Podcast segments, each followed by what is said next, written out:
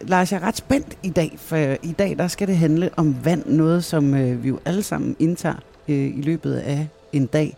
Og øh, i min jagt på nysgerrighed i din virksomhed, så har du i dag peget mig i retning af Ida Balsby. Kan du sætte et par ord på Ida? Jamen Ida, hun er jo sådan en slags Sherlock Holmes hos os, en vanddetektiv, som øh, går op i at finde ud af, hvad er det øh, for nogle øh, stoffer, der er i vandet, som ikke skal være der. Hun er meget optaget af at sikre, at vi har vand uden pesticider og bakterier og andre ikke så, så super gode stoffer. Og hvordan øh, bruger man nysgerrighed til at være vanddetektiv? Jamen, det gør man på flere måder, fordi øh, der er jo nogle grundlæggende spørgsmål om, øh, hvad stofferne øh, de gør ved os. Øh, der er nogle spørgsmål om, hvor mange vi kan tåle, og om det overhovedet er farligt. Vi skal jo kunne være trygge ved vores drikkevand. Og det kan vi være, heldigvis. Danmark er et super godt sted til drikkevand. Men det er, fordi vi har sådan nogle mennesker som Ida, som øh, virkelig er optaget af at sikre, at drikkevandet altid er til at drikke. Så vil jeg gå ud og få mig et glas vand med Ida, og så øh, snakkes vi ved igen på et ja, tidspunkt. god tur. Tak skal du have.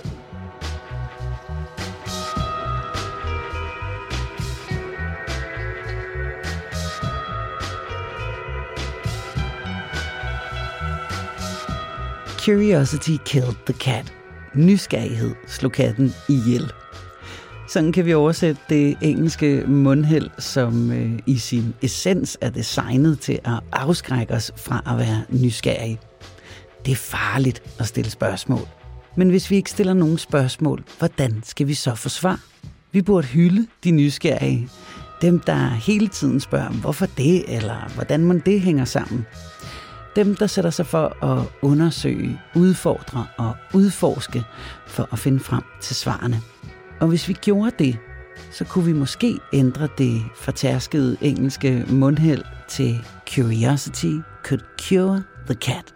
Mit navn er Julie Bundgaard, og jeg er på jagt efter nysgerrigheden hos Evi, der står bag denne her podcast.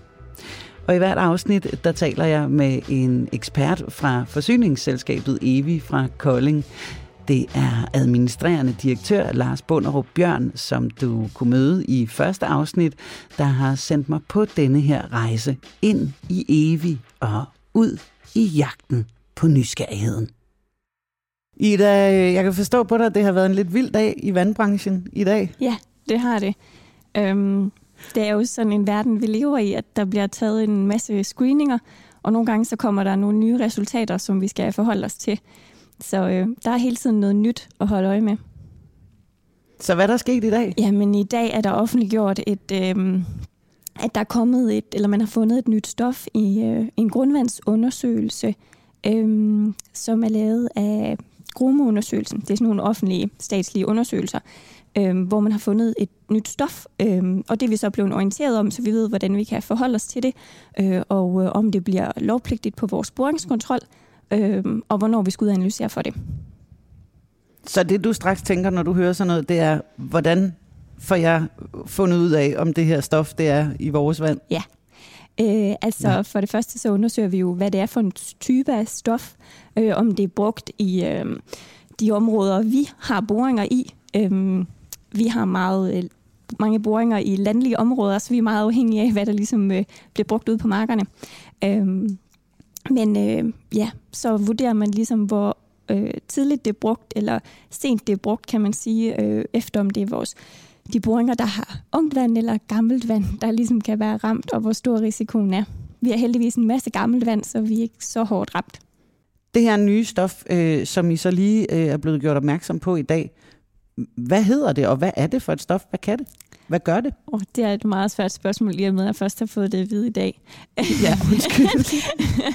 Men før havde jeg ikke hørt om det. Øh, normalt så offentliggør de faktisk først resultaterne her omkring i marts, men øh, det har, der har været så stort fund, at man simpelthen har øh, hastet det frem.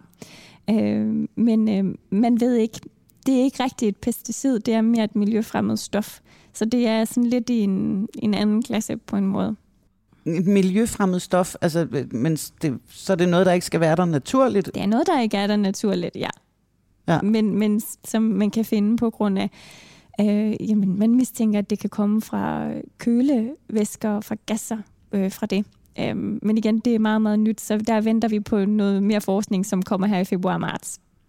Det lyder som om, det har været en vild dag på kontoret, altså. Jamen, det har det også, men sådan har det jo været øh, mange gange. Både 17, så kom der et nyt stof i 18, øh, og vi havde faktisk sådan en kæmpe runde her i, jeg tror det var foråret 19, hvor der var et stof, der hed CTA.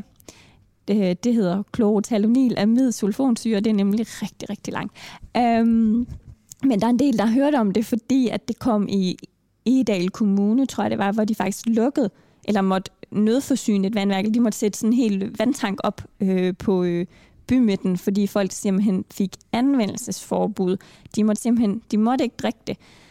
Øhm, og måtte heller ikke lave mad i vandet. Så det var sådan meget specielt, øh, og alle måtte styrte ud og undersøge alle boringerne. Og øh, det gjorde vi også så hurtigt, som vi overhovedet kunne. Jeg tror, det tog os tre uger eller sådan noget. Så var vi rundt ved alle boringer øh, og fandt heldigvis ikke noget. Øh, og man fandt også ud af efterfølgende, at øh, man havde sat en lavere grænseværdi for det, fordi man mente, det var sundhedsskadeligt. Øh, og det fandt man ud af, at det var det ikke alligevel, så derfor blev grænseværdien sat op. Men er det de her fortidens synder, du snakker om, som, at, hvor der nærmest nu og de næste 10 år, hvert år kan dukke et nyt stof op, som, som ikke har været nede i det lag før, eller hvad? Altså det kan vi jo risikere, men der kommer nogle større screeningspakker fra Miljøstyrelsen, der gør et kæmpe arbejde i at få ryddet op i det her. Så derfor er analysepakkerne blevet meget, meget større, end de har været, øh, og man sigter meget mere efter nedbrydningsprodukterne. Så vi har aldrig screenet så bredt, som vi har gjort nu. Øhm, samtidig så regner man også med inden for i hvert fald fem år at kan lave det, der hedder non-target screening, altså at man ikke har et mål, man leder efter, men at man kan ligesom, ligesom analysere, hvad er der af øh, miljøfremmede stoffer i vandet, og så finde ud af det på den måde. Øhm, og det bliver vildt, vildt spændende. Øh, men man har ikke kunne gøre det på drikkevand før, fordi øh, mængderne af forurening i drikkevandet er helt vildt små. Så ja. det giver også en analysemæssig udfordring. Det er altså nemmere, hvis man har noget forurenet jord, der virkelig er forurenet, så kan man finde det. Så hidtil, der har I simpelthen I har skulle vide, hvad I ledte efter, hvor ja. at I måske fremover bare kan køre en screening, og så vil der komme øh, og, og, og, og ligesom komme nogle udslag efter nogle ting, I kan kigge efter? Lige præcis. Vi har skulle være helt stofspecifikke, altså lige præcis et stof. Øh, og fremadrettet, så bliver det sådan, når man simpelthen øh, får sådan en... Øh, altså at man får sådan et svar, der hedder, der er fundet et pesticid, der har denne her masse, og så laver man detektivarbejde på, på laboratoriet, og så går de ind og finder ud af, hvad det så er for et stof, man har fundet. Øhm, så man kan sige, at om fem år, så ved vi meget mere om vores drikkevand, end vi gør i dag. Så du bliver hele tiden klogere på vandet også? Det gør man, ja. Og vi savner også en metode helt vildt meget i forhold til, når vi laver nye boringer og investerer i det, så vil vi jo gerne vide, om det vand, vi har, det faktisk er rent eller ej, inden vi putter for mange penge i det. Øhm, Men en stor dag på vandkontoret. Ja, det er noget af det, der gør det rigtig sjovt ja. at have mit arbejde. Ida, hvis du ellers lige skal fortælle om, hvorfor det er så sjovt at have dit arbejde, så øh, er du nok lige nødt til at forklare mig lidt, hvad det indebærer, det job ja. der. Jamen, det indebærer jo både en, øh, hvad kan man sige, jagt på pesticider og andre miljøfremmede stoffer, som vi ikke vil have i vores drikkevand, og finde ud af, hvorfor de er der, om vi kan rense for dem, eller vi kan få dem væk, eller kan vi pumpe på vores boringer på en måde, så vi ligesom hiver i vandmængden den rigtige retning og beskytter vores boringer. Og samtidig så er der også en masse bakterier og mikrobiologi, som er inde på vandværkerne, øh, som et job går ud på at finde ud af, om de nogle gange opfører sig, som de skal, selvom vores viden om det er egentlig utrolig lille. Men Ida, hvis vi så starter med at øh, snakke lidt om dig, hvad er du så for en fisk, der øh, havner i sådan en job? Altså, øh, jeg havnede her nok lidt ved en, et tilfælde, kan man sige. Øh, jeg kom i praktik ind i vandkvalitetsafdelingen, og øh, så gik der faktisk kun 14 dage, så jagtede vi det øh, første pesticid. Det var tilbage i 2017. Øh, så der fik jeg virkelig øh, smag for, hvad, hvad det, hvor meget øh, run der kan være på, når det øh, bålet brænder, og man ikke ved, hvad, hvad ligesom status er.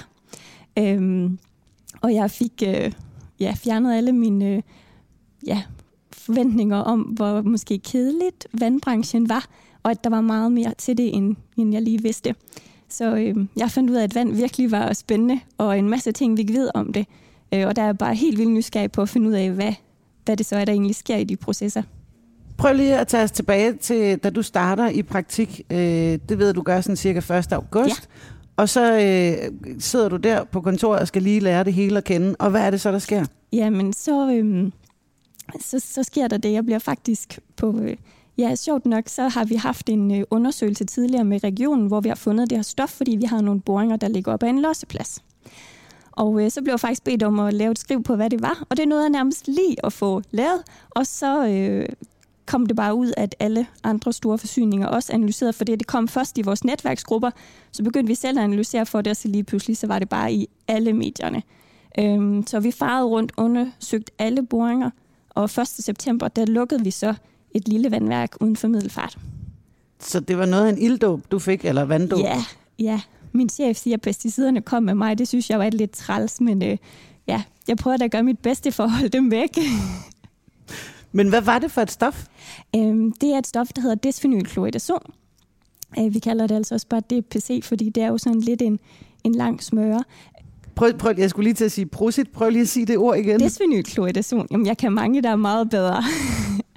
så, øh, men øh, det er mit job at kunne udtale det. Men øh, heldigvis så er det kun mig, der skal sige, de andre kalder det DPC. Det er lidt nemmere. Øh, det er et ukrudtsmiddel, der er blevet brugt til bekæmpelse ved roer, og, altså ukrudt ved roer. Og det var simpelthen det stof, I fandt der, da du nærmest kun havde været på arbejde i en uges tid, eller noget? Ja. Ida, når du beskriver det sådan der, øh, med den der ilddåb, vanddåb ja. til at starte med, ja. så er det ikke så mærkeligt, at dine kollegaer kalder dig for en, en vanddetektiv. Øh, hvad betyder det egentlig? Fordi jeg forestiller mig straks, at du rykker ud med sådan en rygsæk og nærmest sådan helt... Øh, retsmedicinsk-agtigt. Desværre er det ikke så vildt. det er mest fra, fra skrivebordet, de foregår i nogle kæmpe store Excel-ark, som man bliver helt firkantet i øjnene. Øhm, og, og det er meget af det. Det er bare kedelig, kedelig, kedelig litteratur, men det er også en masse prøver, og så lige pludselig står man jo med alle de her resultater, og skal forholde sig til dem og agere på dem. Hvilke boringer stopper vi? Hvordan gør vi det her? Øhm, og det er jo noget af det, der er vildt spændende, når man skal agere hurtigt og finde ud af den bedste løsning. Og det er jo også der, man er mest nysgerrig. Nu nævnte du selv det her med nysgerrigheden. Hvad, hvad er nysgerrighed for dig? Det er at prøve nye ting. Øh, ting, jeg ikke nødvendigvis ved, om jeg kan på forhånd. Øh, altså, øh, ja, prøv, prøv, prøv sine grænser af inden for både, jamen, prøv noget nyt mad, noget nyt baning, et helt nyt projekt, noget man ikke har prøvet før, og så må det jo bære eller briste, ikke? Når du så øh, bliver kaldt for vanddetektiv, kan du ikke prøve at forklare os, altså du siger, at det er noget med nogle kæmpe store Excel-ark og så videre, så videre, så det er meget noget analysearbejde, eller hvordan? Ja, det kan, ja, det kan du godt sige, men det kan også øh, være den mere sådan, praktiske del i, at øh, det er meget meget excel når vi har med pesticider at gøre, men så er det jo også den mikrobiologiske del, altså alle bakterierne i drikkevandet. Og det kan være meget mere den praktiske del at sige, jamen er der et sted i processen, hvor vi har gjort noget, vi ikke plejede?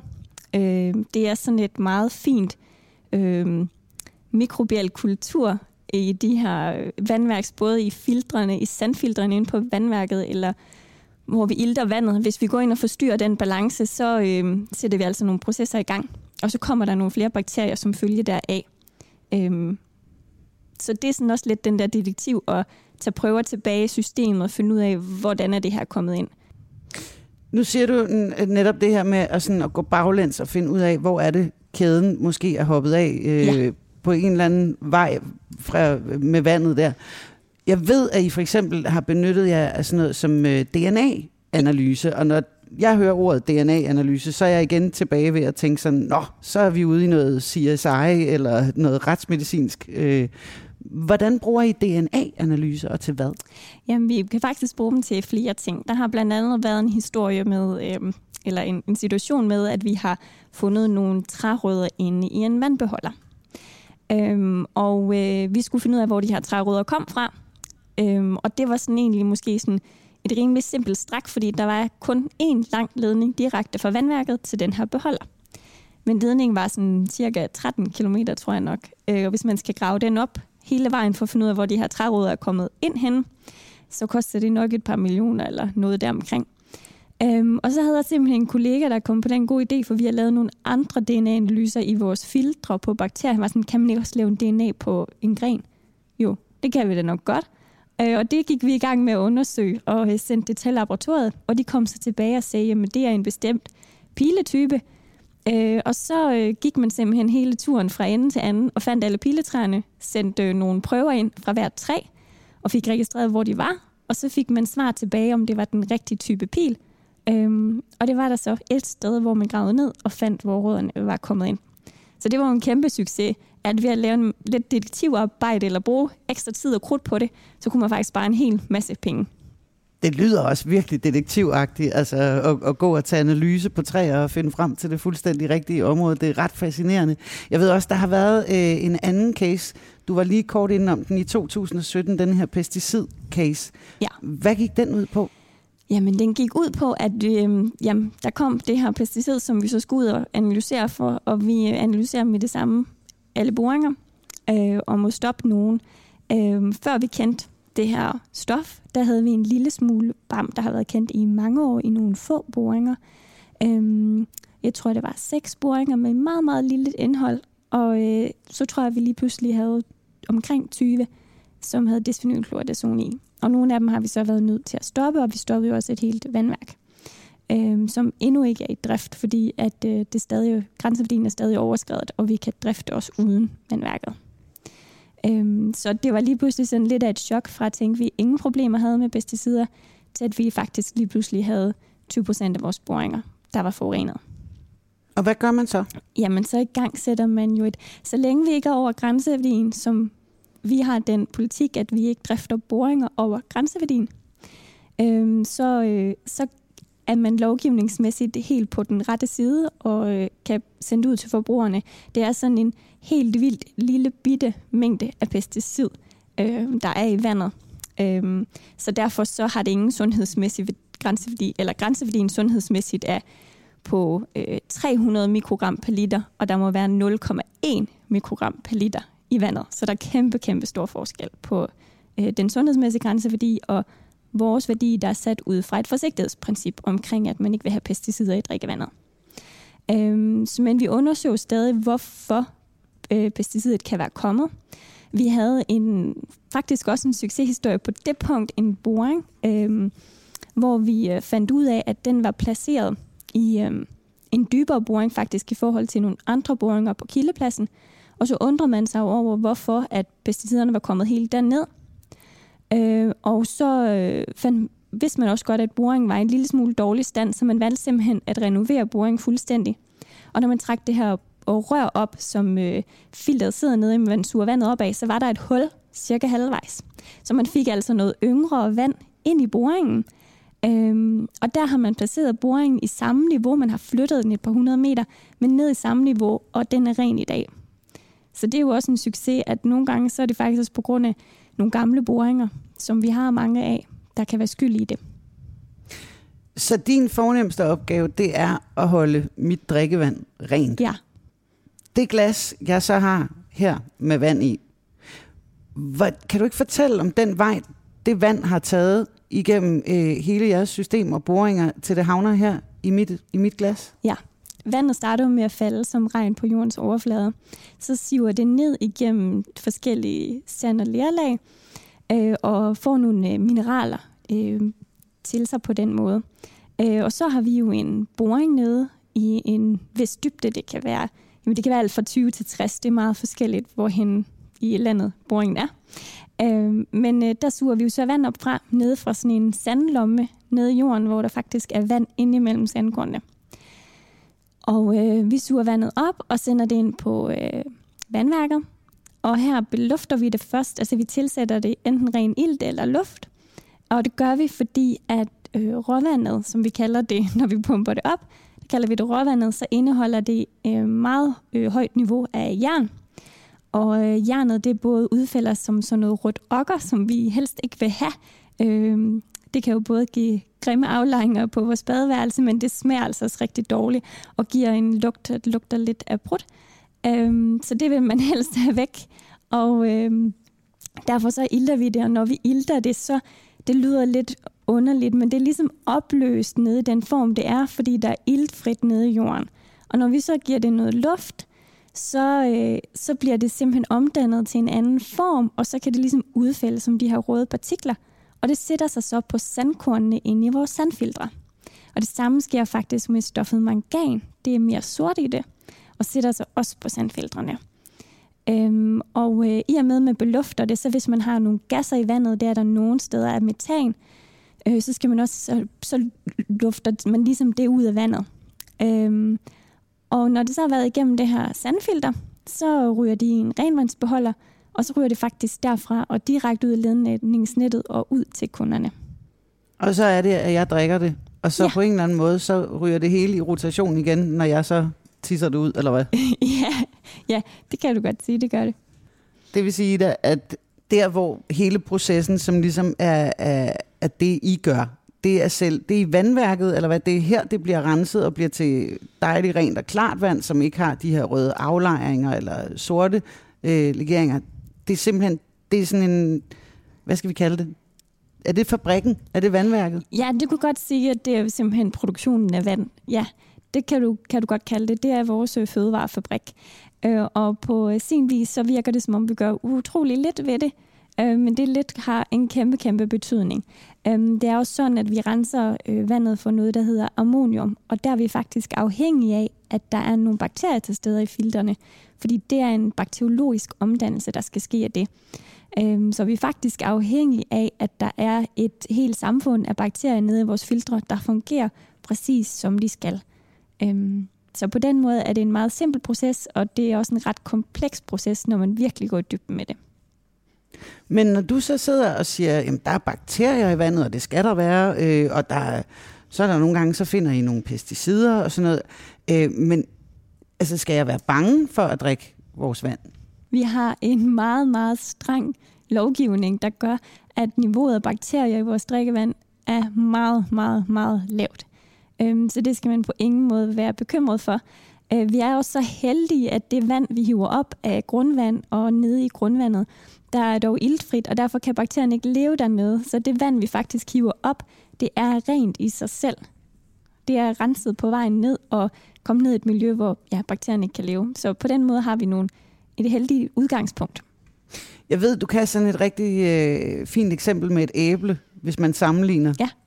Det er fordi, at øh, man har tit svært ved at forstå mængden af pesticider i drikkevandet, og om det virkelig er farligt. Øh, men hvis man regner den øh, værdi, der må være af pesticider i drikkevandet, og sammenligner det med at spise et konventionelt æble, og det pesticider, der må være på det, så kan du spise et konventionelt æble, eller du kan drikke vand fra din vandhane i 500 dage.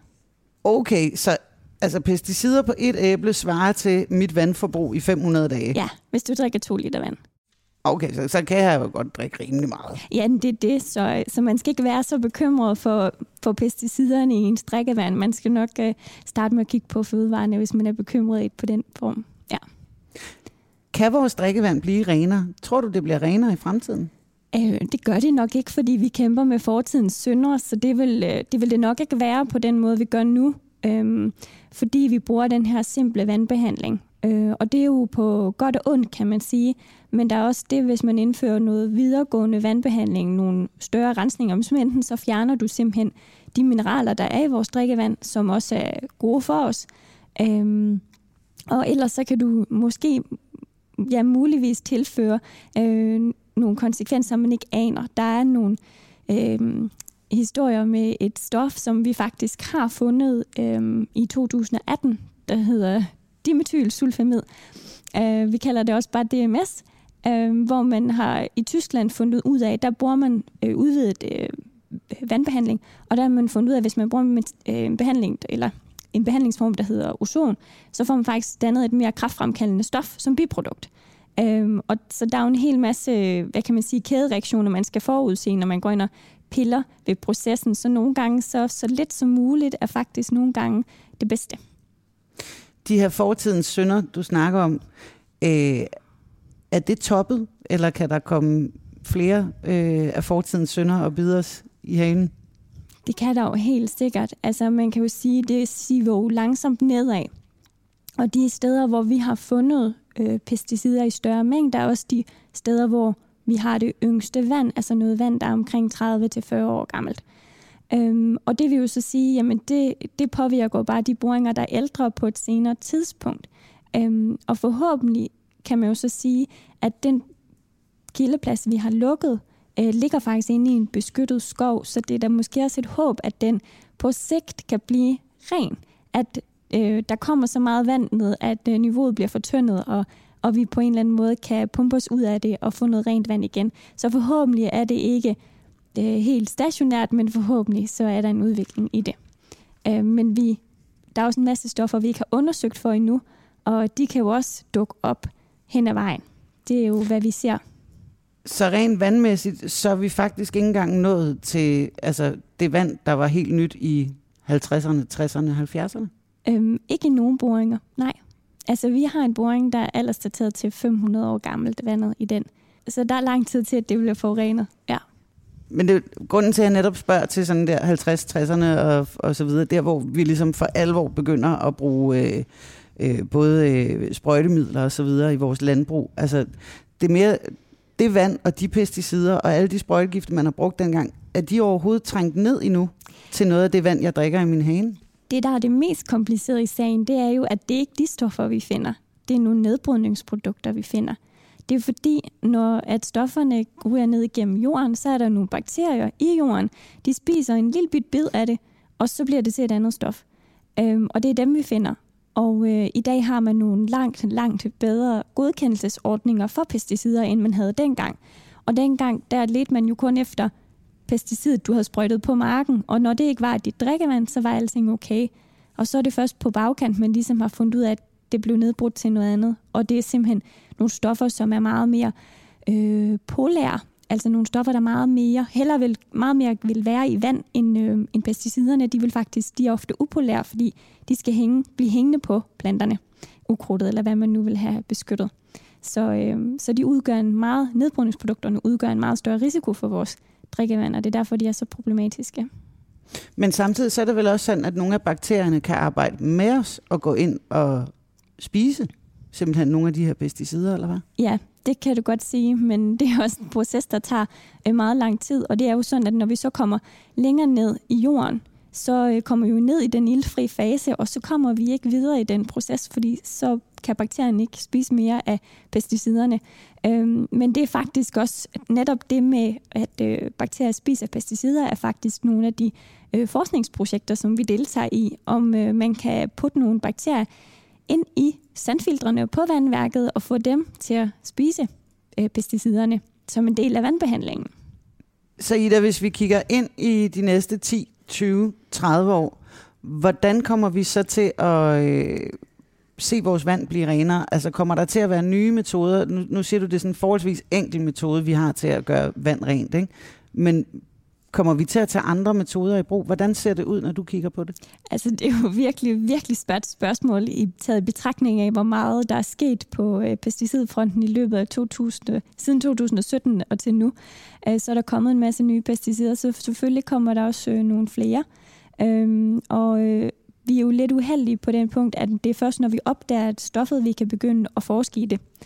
Øh, så derfor så er vi jo lidt bagud, kan man sige, i forhold til at finde en løsning, Øh, men jeg tror helt sikkert, at rensningsmetoder kommer til at blive en mere naturlig del af vandbehandlingen for at få det mest rene og bedste vand ud til kunderne. Så må man jo gøre, hvad der skal til. Så hvis øh, du kigger på dig selv om 10-15 år, hvad arbejder du så med? Er du stadigvæk vanddetektiv? Det kan det sagtens være. Det kommer an på, øh, om hvor mange flere udfordringer der kommer, om det bliver ved med at være lige så spændende. Men jeg, der sker en hel masse i vandbranchen, en kæmpe udvikling. Øhm, og den er nærmest først lige startet, kan man sige. Så øh, jeg tror, der er et stort stykke arbejde foran os. Ida, tusind tak skal du have, fordi at, øh, vi måtte snakke med dig. Det var så let. Og så vil jeg øh, trygt drikke mit vand, og, og hver gang tænke på, at det er dig, der sørger for, at det er rent. Jeg skal gøre mit bedste.